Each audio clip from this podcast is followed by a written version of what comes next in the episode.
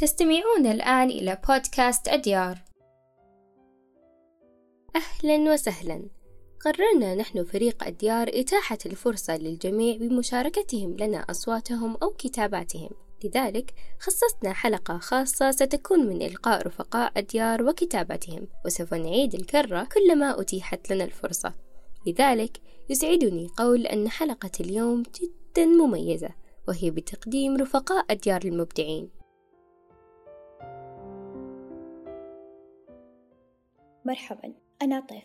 رفيقة من رفقاء أديار. وسأتحدث معكم اليوم عن كيف نمضي معا نحو مستقبل مبهر.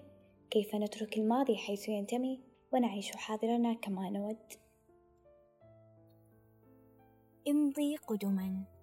لن تتحرك حياتك ولو شبرا واحدا. ما دمت أنت لا تحركها. إن التحرر من الماضي قد يكون امرا صعبا ومواجهة كبيرة. لأي شخص ما زال يسكنه سواء كان ذلك الماضي مؤلما أم لا وإنما البقاء عالقا امرا أصعب. فذلك يصدك حتى عن التقدم والتوهج بل ويبقيك في أوصاده معلقا. وحبيسا لتلك الأيام والذكريات امضي قدما ولا تلتفت. ما دامت الحياة تسير ولا تقف فليس عليك بالوقوف أنت أيضا. يقال انسى الماضي ولكن لا تنسى الدرس. وهنا تكمن أهمية الماضي. أن تتعلم منه من أخطائه ومن نفسك في ذلك الوقت. لا أن تظل حبيس تلك الأيام والعثرات بل أن تكتسب منها ما قد يجعلك شخص أفضل شخص خاض تجاربه الخاصة وتعلم منها ولم يدعها تنل منه وتبقيه خائفا تحت أركانها ومتندما لفعلها. الماضي إما تهرب منه أو تتعلم منه. آه الماضي ممكن يوجع لكن من وجهة نظري يا تهرب منه أو تتعلم منه. ها فهمت؟ رفيقي فيلم الملك الأسد سيمبا.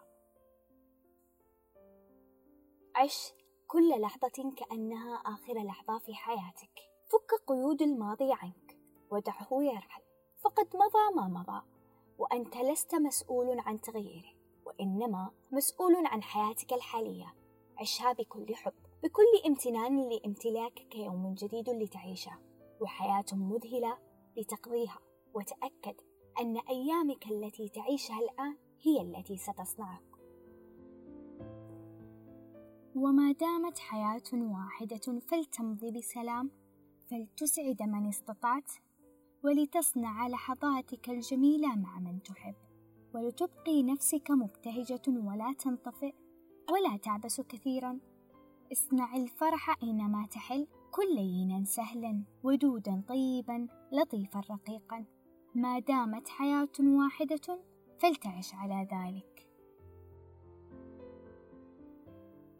الماضي البهي يا عزيزي الماضي مبهر ولا خلاف في ذلك. ولكنني أخشى عليك من أن تفني العمر وأنت فيه أعني وأنت تشتاق إليه وتبحث عن طريق للعودة توقف.